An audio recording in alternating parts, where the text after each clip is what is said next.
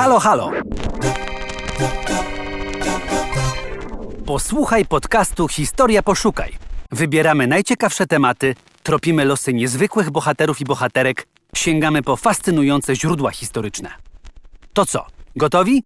Przejdźmy więc do historii. Był politykiem stanowczym i konsekwentnym. Słynął z silnej głowy i zamiłowania do wina, a jego żona została świętą. Poznaj barwne życie księcia Henryka Brodatego. Książę urodził się około 1168 roku. Jego ojcem był Bolesław Wysoki, najstarszy syn Władysława Wygnańca.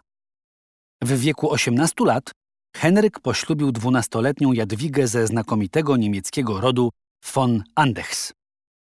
Po śmierci Jadwiga została uznana za świętą. Samodzielne rządy objął w 1201 roku.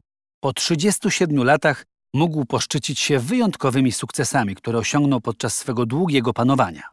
Roztropny władca prowadził bardzo zdecydowaną politykę. Dbał o rozwój i integrację zarówno tych ziem, które odziedziczył, jak i tych, które stopniowo sobie podporządkowywał, rywalizując z piastowskimi kuzynami. Dzięki jego działaniom Śląsk stał się najlepiej rozwiniętą dzielnicą ziem polskich. Henryk sprowadzał osadników z Niemiec, nadawał im korzystne prawa i zapewniał rozległe swobody. Książę dbał o to, by wokół miejskich ośrodków powstawały wiejskie osady. Z myślą o potrzebach poddanych, a także o swoich przyszłych zyskach, wspierał zagranicznych kupców i rzemieślników, którzy osiedlali się na jego ziemiach.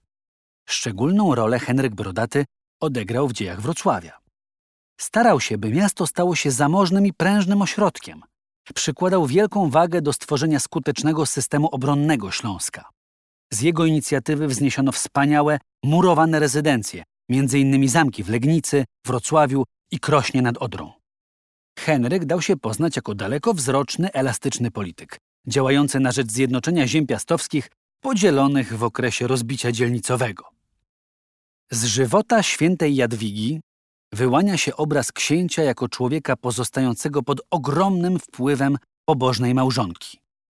Za sprawą Jadwigi ufundował w Trzebnicy klasztor dla zakonu cysterek. W rzeczywistości jednak obecność bogobojnej żony nie przeszkadzała Henrykowi w korzystaniu z uciech życia. Uwielbiał biesiadować, pić wino, podobno słynął z nader mocnej głowy. Radował się z występów ulubionego błazna, kwiecika z Głębowic. Kwiecik, posiadający tylko jedną, w dodatku bezwładną rękę, rozśmieszał do łez księcia i jego gości. Choć dziś może się to wydać niesmaczne, rozrywki, jakim oddawano się na dworze Henryka, przypominały obyczaje innych monarchów z tej części Europy. Henryk Brodaty pozostawił po sobie wspaniałe dziedzictwo.